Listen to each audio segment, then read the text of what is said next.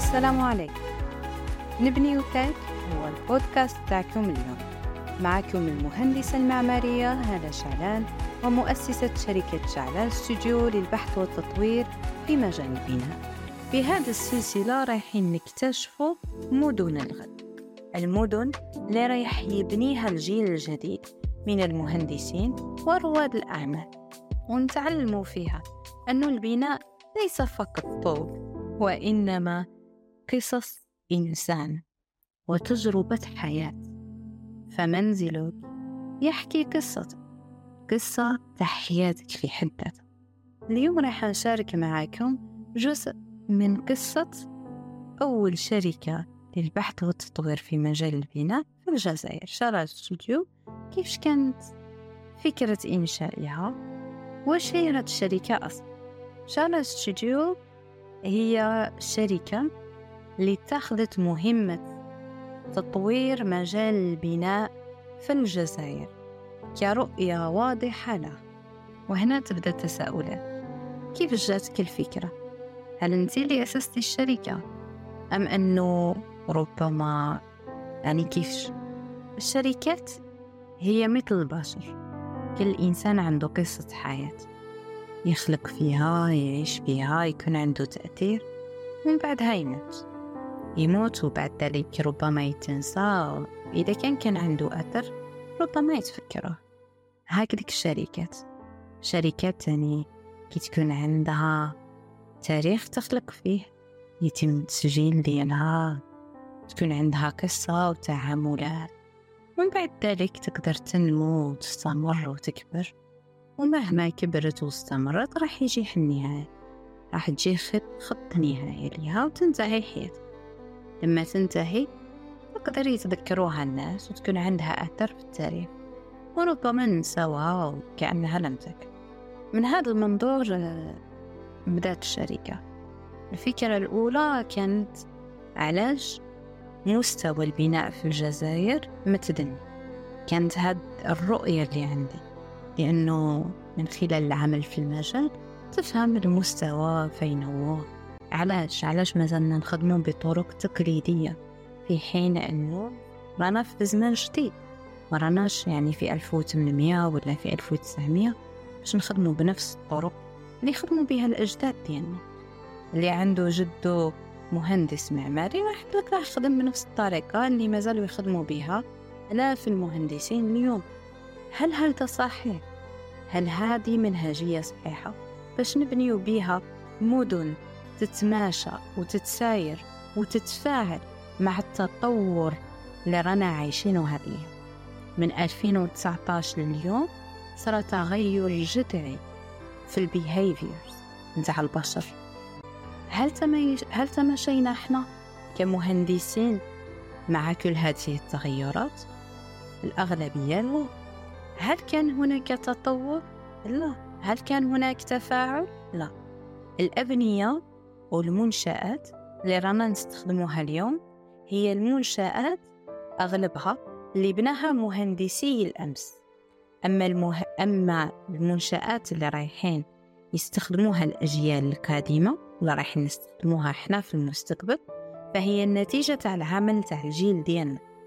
إذا إذا حبينا نبنيو منشآت ومدن بطريقة تتماشى مع المستقبل اللي إحنا حابينه لرواحنا وحابينه لبلادنا.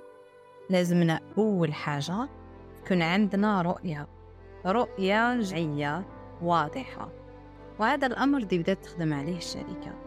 بدينا أول حاجة بالحملات التحسيسية بضرورة التكنولوجيا وأهميتها بالنسبة لعمل المهندسين. أنا ممكن يتدخلوا البعض ويقولوا لكن ماشي جميع الناس اللي يبنيو المنازل راهم يروحوا المهندسين والناس راح تبني بالماسون والناس راح يدير والناس إحنا ما راناش نحكيو على الأغلبية. قاعدين نحكيو على الفئة اللي عندنا تأثير عليها. بالنسبة للإنسان اللي يبني بالماسون يقول لك الماسون يبني لي فهذا كان كاين من بكري. ماشي حاجة جديدة في تاريخ العمارة. من نهار كانت البشرية كانوا كاين ناس ما يدوحوش على مستوى عالي من الرفاهية في الحياة اليومية. هذا أمر معروف منذ القدم. نسبة هاد الطبقات تختلف عبر التاريخ وعبر المستوى الثقافي للمجتمع اللي رانا نتحدث فيه. أما بالنسبة للجزائر فأنا نلاحظ تطور كبير.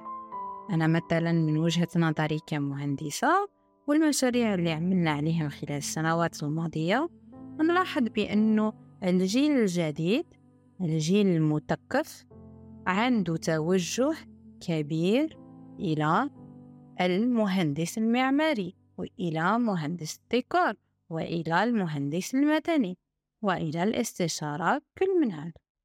المستوى اللي رانا نتحدث فيه راه أعلى من هذا. ما راناش نحكيو في مستوى هل نروحوا للمهندس المعماري أم لا؟ ما هي الفائدة من زيارة مهندس مدني أو مكتب استشارة؟ هذه إذا كان حبيت تفهمها إذا كان كنت إنسان مثقف وحدك تروح تفتح الجوجل ودير recherche وتفهم المعنى ديالها رانا نحكيو في مستوى المهندسين في حق نفسهم. كيفاش نرفعوا جودة المنتوج المعماري؟ عن طريق الاستفادة من التكنولوجيا. هذا الأمر اللي بدأت تخدم عليه شلال ستوديو. قمنا أول حاجة بإدخال ال BIM واللي هو ال Building Information Modeling Management واللي هي عملية البناء بطريقة افتراضية ذكية واستخدام الذكاء الاصطناعي في البناء قبل بنائه في الحقيقة. هذا الأمر اللي يمكننا من أن نقوم بالتغييرات اللي رايحين ولا اللي ممكن أنه نديروها مستقبلا قبل ما تصرى في الواقع. ولكن موالفين تفرجوا National Geographic تاع منشآت عملاقة وتشوفوا كيف يقوموا بعملية للمباني. هذيك التكنولوجيا اللي راهم يخدموا بها الآن نخدموا بها هنايا في الجزائر. ماشي فقط نخدموا بها وإنما نقوم بنشرها على مستوى الجزائر لحد الآن. الحمد لله قمنا بتدريب أكثر من 200 مهندس على كافة التراب الجزائري في الجزائر وفي خارج. هذا الأمر اللي يمكنهم من أنهم يدخلوا هذه التكنولوجيا في العمل ديالهم اليومي ويرفعوا من جودة وسرعة المنتوجات اللي راهم يقدموا. هنا لما نقوموا نقولوا منتوج بالنسبة للمهندس فرانا نتحدثوا على منتوج معماري.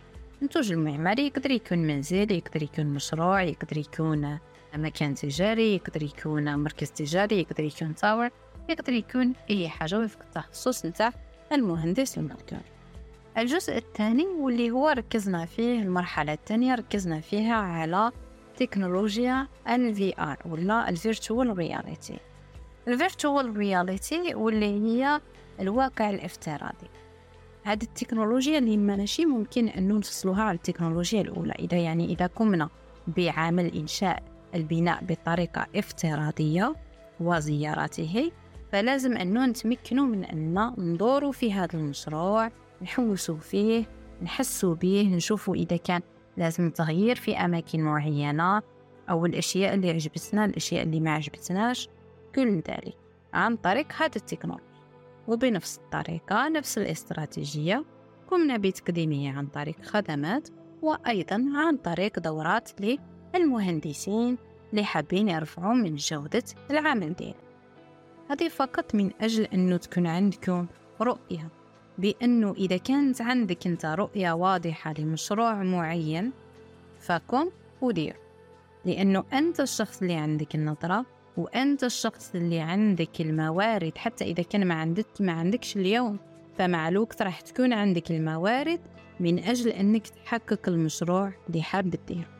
وهذا الأمر ينطبق على الجنسين سواء كنت امرأة أو كنت رجل. أما الحديث ديالي الآن فيتوجه للنساء في مجال البناء أكثر من أنه موجه للرجال لأنه النساء بالطبيعة عندهم هذيك الصعوبات اللي تكون في الطريق ديالهم. يعني التعليقات فقط من أقرب الأشخاص ليهم أنه لا هذا مجال للرجال لا ما تخدمش هذه لا ما تروحش لهذه لا هذه ما لازمش لا. كاين بزاف نتاع حبيت أنا نجي اليوم ماشي باش نقول لكم نعم مي باش تشوفوا بعيناكم باللي إذا حبيت حاجة تقدر تحققها مهما كانت الظروف والأحوال. إلى هنا نختتم حلقتنا اليوم من بودكاست نبني وتك. كنت معكم المهندسة هالة شعلان لقصة جديدة ومعلومة جديدة في مجال ننتظركم في الحلقة القادمة غدا بإذن الله. سلام.